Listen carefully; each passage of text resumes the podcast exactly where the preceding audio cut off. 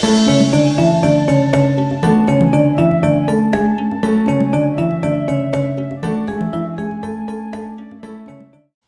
semuanya, selamat datang di Serial Politik on Podcast. Kenalin, nama aku Silvestra Wima. Di sini aku akan menemani teman-teman sekalian untuk berbincang-bincang berbagai topik menarik dalam rangkaian Serial Politik on Podcast. Kira-kira bisa nebak gak nih kita bakal bahas apa ya buat episode perdana ini? Hmm, kalau denger dari intronya sih pasti bisa nebak dong. Yaps, bener banget. Diiringi dengan musik gamelan tadi, di episode pertama ini kita akan berbincang-bincang mengenai keistimewaan Yogyakarta.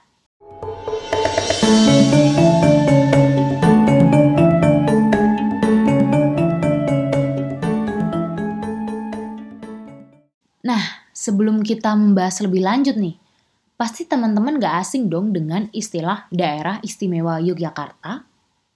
Bener banget, DIY merupakan salah satu dari ke-34 provinsi di Indonesia. Pasti tahu lah ya. Eits, tapi ngomong-ngomong, teman-teman tahu nggak sih kenapa Yogyakarta disebut sebagai daerah istimewa? Apa sih yang menjadikan Yogyakarta menjadi istimewa? Apakah Tugu Jogjanya? Malioboronya? Atau justru gudegnya nih yang istimewa? Bukan dong. Dalam konteks kali ini, kita akan membahas mengenai keistimewaan dalam kedudukan hukum yang dimiliki DIY berdasarkan sejarah dan asal-usul menurut undang-undang.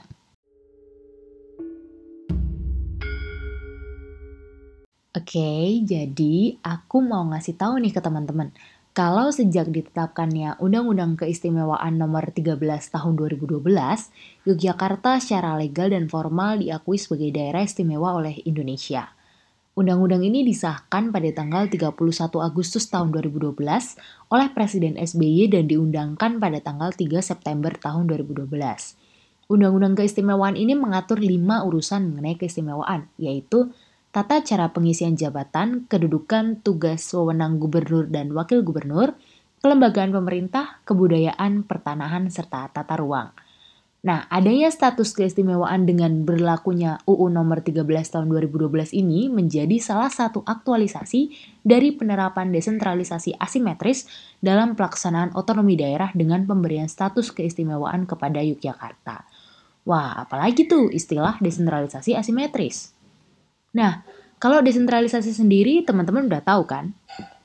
Jadi desentralisasi bisa diartikan sebagai pemberian wewenang oleh pemerintah pusat kepada pemerintah daerah untuk mengatur rumah tangga masing-masing dengan segala potensi dan keragaman daerah sebagai salah satu upaya untuk meningkatkan dan memperbaiki sosial ekonomi di daerah masing-masing dengan berbagai program pemerintah daerah. Nah, sekarang kalau desentralisasi asimetris itu merupakan salah satu instrumen kebijakan yang berfungsi untuk mengatasi dua hal fundamental yang dihadapi suatu negara, yaitu persoalan bercorak politik, termasuk yang bersumber pada keunikan dan perbedaan budaya, dan persoalan yang bercorak teknokratik manajerial, yaitu keterbatasan kapasitas suatu daerah dalam menjalankan fungsi dasar pemerintahan. Nah, di Indonesia, pemerintah menerapkan sistem desentralisasi asimetris melalui kebijakan otonomi khusus dan istimewa kepada beberapa daerah. Salah satunya di Yogyakarta ini nih, dengan pemberian status keistimewaan. Oke, okay, back to topic mengenai keistimewaan Yogyakarta. Oh iya, sebenarnya keistimewaan DIY ini udah dicanangkan sejak pasca reformasi. Tapi karena melewati beberapa proses yang lumayan pelik, Akhirnya UU keistimewaan ini baru bisa diundangkan pada bulan September tahun 2012.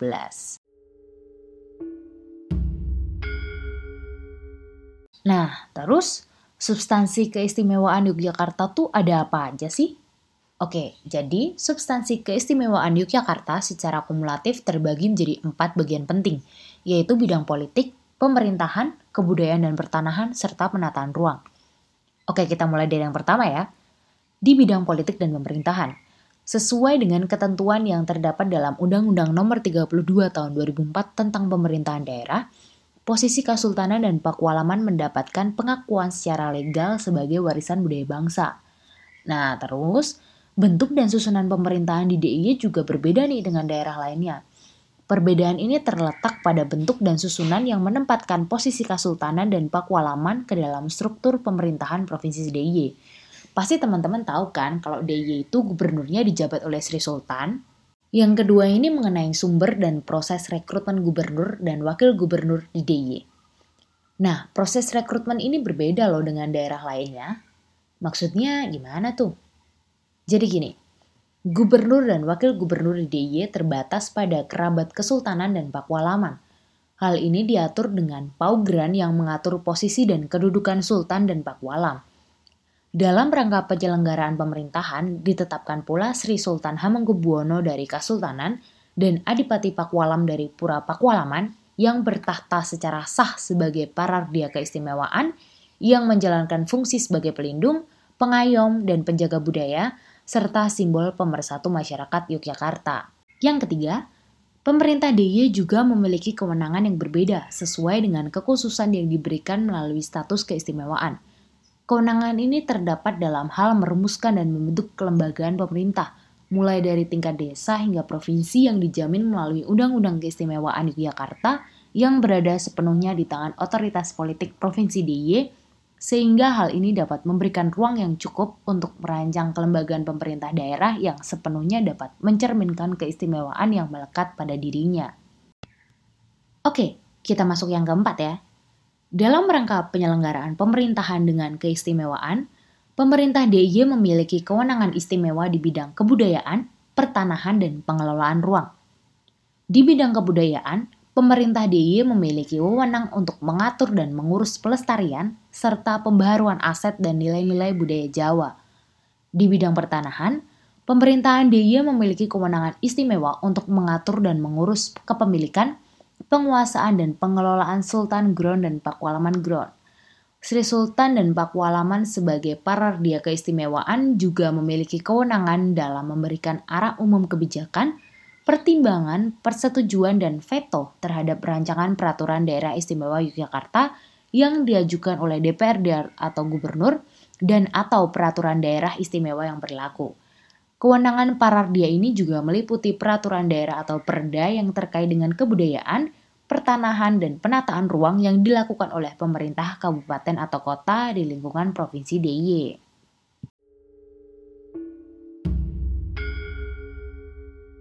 Nah, setelah kita membahas mengenai substansi keistimewaan Yogyakarta, mungkin teman-teman jadi bertanya-tanya nih, sebenarnya apa sih implikasi dari substansi keistimewaan Yogyakarta ini? Oke, jadi implikasi dari substansi keistimewaan Yogyakarta terkait dengan penyelenggaraan pemerintahan daerah berdasarkan asas desentralisasi asimetris yang didasarkan pada prinsip monarki konstitusional. Prinsip monarki konstitusional ini diwujudkan dalam bentuk pemisahan antara institusi monarki dengan demokrasi. Maksudnya gimana tuh? Jadi, institusi monarki berperan sebagai simbol pemersatu bangsa yang berbentuk institusi tunggal yang diwujudkan dengan keberadaan institusi parardia keistimewaan.